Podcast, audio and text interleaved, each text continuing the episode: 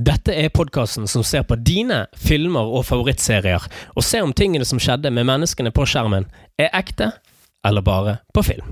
Alltid når jeg ser på en film, så eh, tenker jeg på hvordan denne personen var på ekte, som jeg ser på skjermen.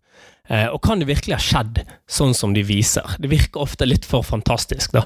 Eh, og jeg er en nysgjerrig type, så hver gang jeg har sett en film basert på en sann historie, eller en biografisk film, så er jeg i gang med å leite liksom, etter den ekte historien bak filmen. og jeg er ofte mer hypp på å vite mer om personene, hvordan de egentlig var.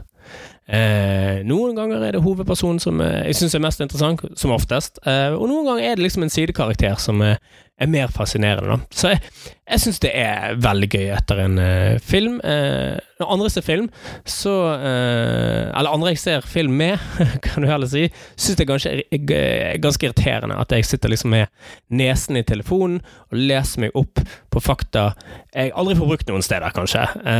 for jeg får jo ikke brukt denne triviaen jeg har noen steder før nå. Uh, og derfor har jeg uh, laget denne podkasten, for jeg uh, liker å nørde meg på, på, disse tingene, og jeg tenkte kanskje at det er noen der ute som gjør det samme.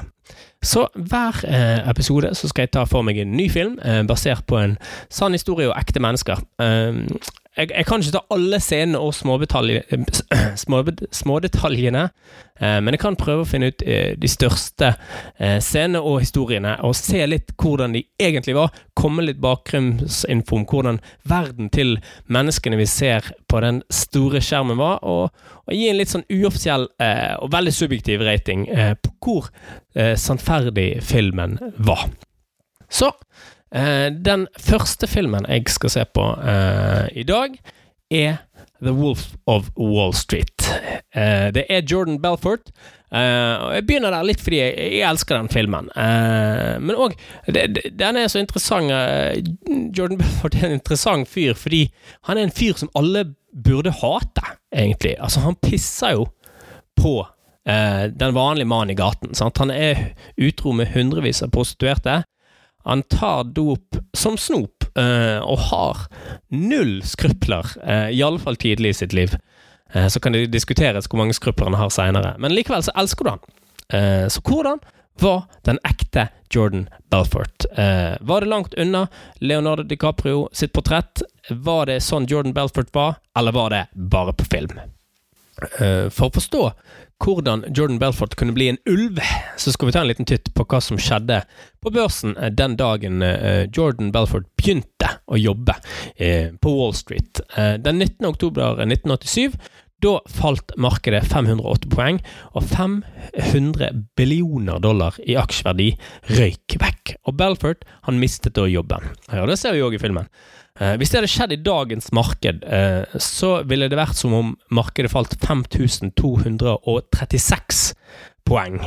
Eh, så for å gi det en pengesum, så hadde det vært i dag et tap på 6 trillioner dollar. Så det er jo en, det er jo en rimelig intens dag å begynne en ny jobb på, da. Um, og pengebruken generelt sett, den var Eh, ganske annerledes enn eh, det det var i dag. Jeg kan veldig lite om økonomi. Eh, derfor gjør jeg dette, og jeg har sånn bare grei koll på bare kun min egen husøkonomi. Men for vanlige folk som ikke var på børsen, så, så var det en annen hverdag enn det er i dag. Da.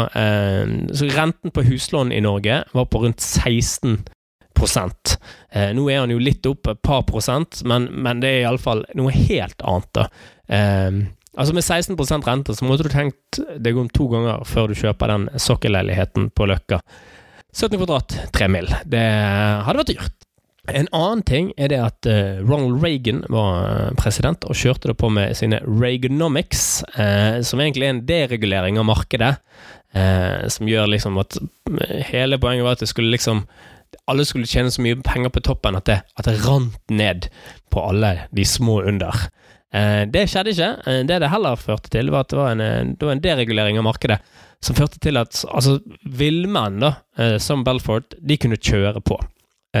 Så det, det var da verden som Jordan Belfort var i når han gikk inn til et off-off-off Broadway aksjemeglerfirma på Long Island.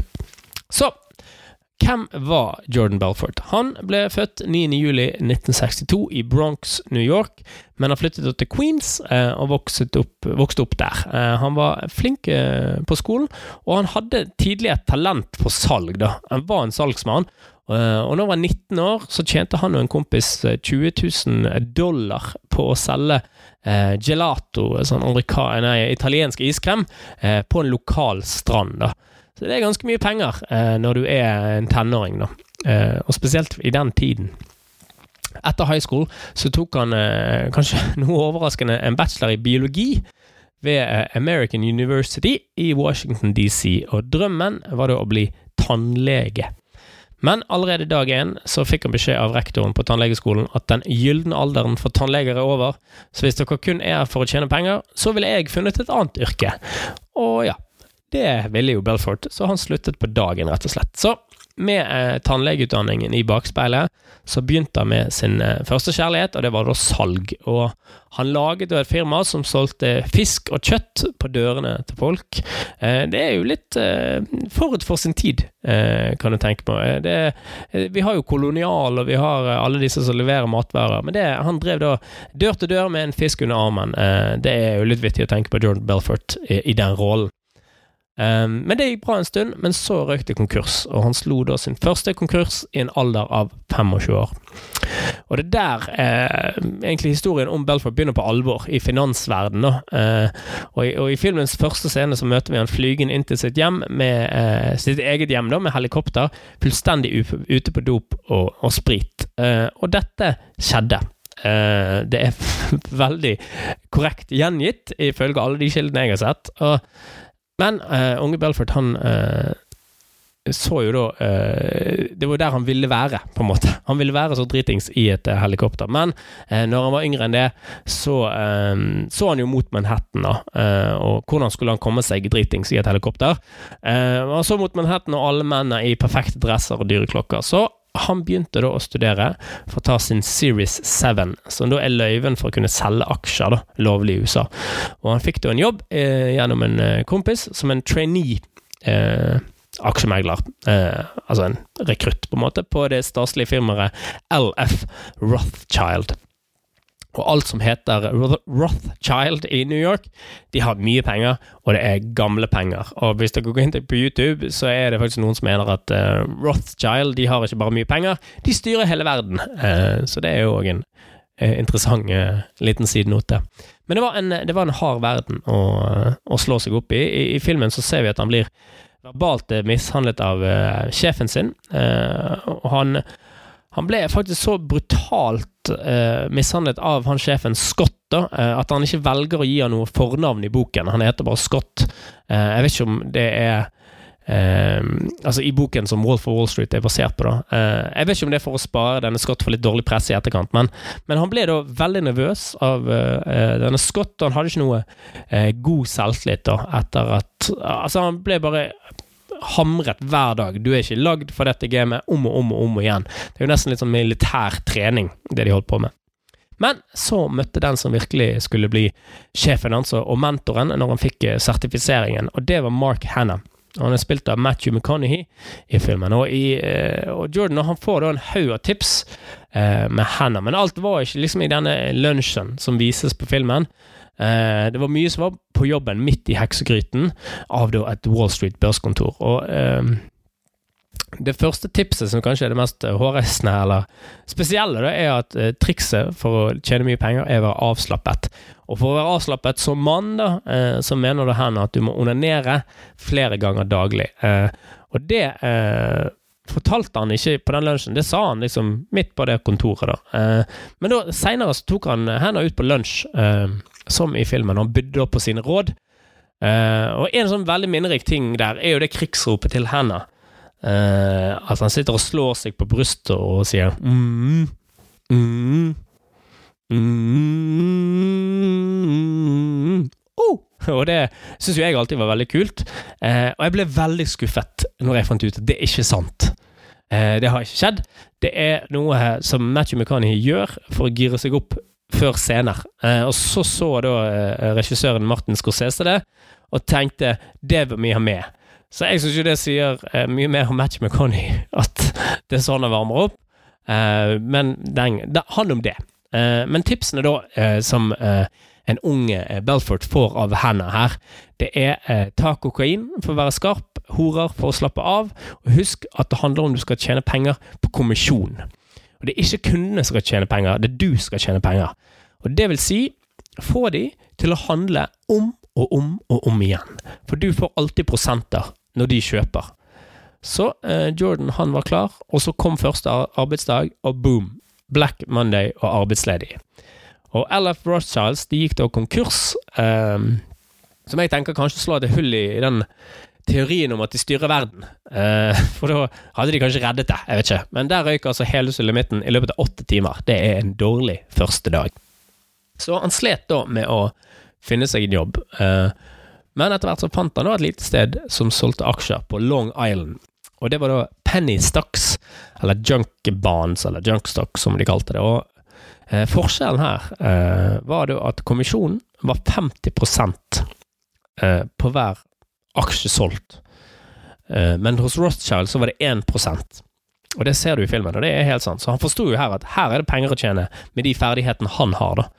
Eh, så etter hvert så lager han da eh, Stratton Ockmount sammen med Danny Perush, som da er spilt av Jonah Hill. En helt fantastisk figur. Eh, som han da møtte gjennom konen eh, til Perush, eller eh, kusinen slash konen til Perush. som, eh, og ikke på en restaurant, som i filmen. Men det, det er sant da at eh, når Perush fant ut hvor mye Belfort tjente, så gikk han gikk han rett hjem til sin kone og sa at han skulle få aksjemeglerløyve og, og de starta da Stratton Oakmont eh, og pushet da ut drittaksjer til vanlige folk. Og selv, selv, selv, det var the name of the game. Um, og de drev eh, også med en, da, en ulovlig sånn aksjeaktivitet som heter pump and dump. Eh, det er hvor du kjøper eh, en haug med aksjer, og så eh, er vel ikke, Et veldig 2018-uttrykk, 2019, eh, er jo at du, du fake newser offentligheten om hvor bra aksjen er. Altså, du skryter den opp, eh, sånn at alle kjøper den. Og når den har steget nok da på disse løgnene, eh, som ikke stemmer, så selger man de. Eh, og dette, dette, foregår fremdeles. Altså, bare sjekk spamfilteret på mailen din, så finner du nok sånn type informasjon om uh, innimellom alle de penisforlengingsreklamene. Jeg håper det er flere enn meg som får de. Men de tjente da millioner, og på høyden av firmaet så hadde de over 1000 aksjemeglere ansatt. Uh, Belfort han ble da berømt uh, på Wall Street etter en artikkel i uh, prestisjetunge Forbes Magazine, som er liksom ja, et av de store aksje- og um, økonomimagasinene i USA. Og Den artikkelen da er, er het Stakes Stocks, What's the Difference? Så det gikk på at Belfort han hadde tidligere solgt kjøtt på dørene til folk, og nå var det da aksjer. Så artikkelen het ikke da Wolf of Wall Street, og ingen kalte han faktisk noensinne Wolfie. Uh, så det er jo uh, Det var litt skuffende, det òg, egentlig. Men det høres jo veldig bra ut, da. Uh, men det jeg lurte veldig mye på når, når jeg så liksom hvordan det var der, på kontoret, det var Var det virkelig så galskap som det ble vist, da, på filmen? Og altså, det var jo For å nevne det som er i filmen, det er dverger som blir kastet, det er klipping av en kvinnelig ansatt sitt hår for 10 000 dollar ja, og hun fikk kompensasjon. Og det er horder med prostituerte. Eh, rett og slett horder. Eh, og ifølge eh, Belfort så er ikke disse scenene ikke bare ekte, det var mye verre enn det Uh, som ble vist på filmen. Uh, ja, Og så fikk hun bare 5000, for å klippe av, 5000 dollar for å klippe av håret sitt. Uh, så det var inflasjon som gjorde at de økte det til 10 000. Da. så det var da, altså, Han mener da det var verre enn dverger som bare ble kastet, nakne skolekorps som spilte marsj, samt hundrevis av prostituerte. Si hva du vil, de kunne feste, altså. Det er mye dop og god stemning. selvfølgelig er det noe som, som oftest ikke varer. Eh, vi må ta en liten eh, sidenote også inn på eh, eh, den andre konen til eh, Jordan Belfort. Eh, og det var han som hun, han kalte for The Duchess of Bay Ridge. For han hadde det jo rimelig livlig på hjemmefronten også, han er Mr. Belfort. Uh, hans kone i filmen heter da uh, Naomi, men hun heter da Nadine i virkeligheten. Og ellers er det mye som stemmer om uh, The Duchess. Hun var en modell, hun var født i England, og de to de kranglet så fillene føk, akkurat som i filmen. Um, de har to barn, og de blir skilt i 2005. Uh, blant annet pga. vold i hjemmet og, og dopmisbruk hos Belfort. Og Der er det en sånn scene som jeg vil uh, dra frem uh, når de har en sånn stor krangel mot slutten av filmen, der hun sier at hun vil skilles, hun vil ta barna med seg, og alt, liksom all denne dopmisbruken og alt, all galskapen har jo på en måte fanget han. Eh, og da ser vi i filmen at han slår henne i magen, da. Som er jo veldig veldig alvorlig og helt uakseptabelt. Men virkeligheten er faktisk verre. Eh, han dyttet henne ned en trapp mens hun holdt barnet deres. Så det er ikke så hyggelig, rett og slett. Og sikkert ikke så lett å tilgi. Eh, og det har jo vært en liksom morsom karakter å se på på mange måter, så det har vært et lite filmatisk grep fra Scorsese der for å, for å gjøre han litt mindre ille. Flytte slaget litt. Eh, men det går bra med Nedine eh, nå. Eh, hun har faktisk et godt forhold til Belfort eh, fremdeles, eh, som er jo bra. Hun har jo to barn med han, så det er jo bra at de har noe normalitet der. og hun har da tatt en doktorgrad i psykologi. Og det er jo veldig passende, for hun har jo hatt en del personlig erfaring med rimelig utagerende oppførsel. Og eh, hun er nå gift med en entreprenør fra New York, så det er en lykkelig historie. Men med all denne ulovlige aktiviteten, eh, både finansiell og narkotikamessig, så, så blir det jo fort litt uønsket oppmerksomhet, kan du si, fra eh, fra myndighetene. Eh, og eh, de havnet da under FBIs overvåkning og eh, agent Gregory Coleman. I, filmen så heter han Patrick Denham, han er spilt av Kyle Chandler. Men i virkeligheten heter han da Gregory Coleman, og han begynte da i FBI i 1989. Og det var rundt den samme tiden som Stratton Oakmont ble etablert. Og i 1992 så ble da FBI tipset om Stratton, og Coleman han fikk saken. Og han hadde uttalt eh, senere at på de tre årene, fra 89 til 92, så hadde Belfort og bedriften hans blitt veldig gode eh, på den ulovlige aktiviteten de holdt på med. Um, så det ble en eh, langstrakt etterforskning for å, for å finne alle ugjerningene. Og en av grunnene til at det var så vanskelig å ta han, var fordi han gjemte pengene sine i Sveits. Um, og, og, i filmen så var disse pengene de sto da i, i kontonavnet, eh, eller navnet på kontoen, for å si det på en bedre måte, til da eh, tanten til hans kone. Eh, og Det er litt sånn kontrovers rundt det om det stemmer, da, for vi vet ikke om det var svigermoren hans eller tanten, og om vedkommende da visste om de sto med navnet sitt på denne kontoen eller ei. Det vet man ikke helt. Men i filmen får man da vite at tanten har dødd, og, uh, og, og, da må da Belfort skynde seg til Sveits for å overta kontoene personlig, ellers så mister de disse pengene. da. Uh, for han er da uh, på båten sin, og han insisterer på at de skal kjøre ut, selv om det kan bli dårlig vær. Det stemmer ikke helt. Han hadde en golfdate den dagen, så, egentlig var de bare ute på tur. Så det er litt sånn tidslinjejuks her, da.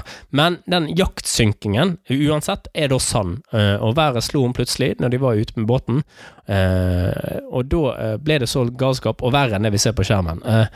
når da uh, eh, eller Asoff, uh, som han heter i filmen, går ned for å hente piller uh, det er Jonah Hill sin karakter, for å hente piller til Belfort. Så får han strøm i seg når han går gjennom vannet. Han får tredjegrads forbrenning.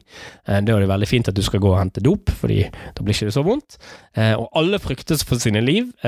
kapteinen tok da avgjørelsen om å dumpe av helikopteret for ikke være topptung. Og det endte da, som i filmen, med at eh, eh, båten Nadine eh, synker da til havets bunn. Og det var et skip eh, som ble bygget i 1961.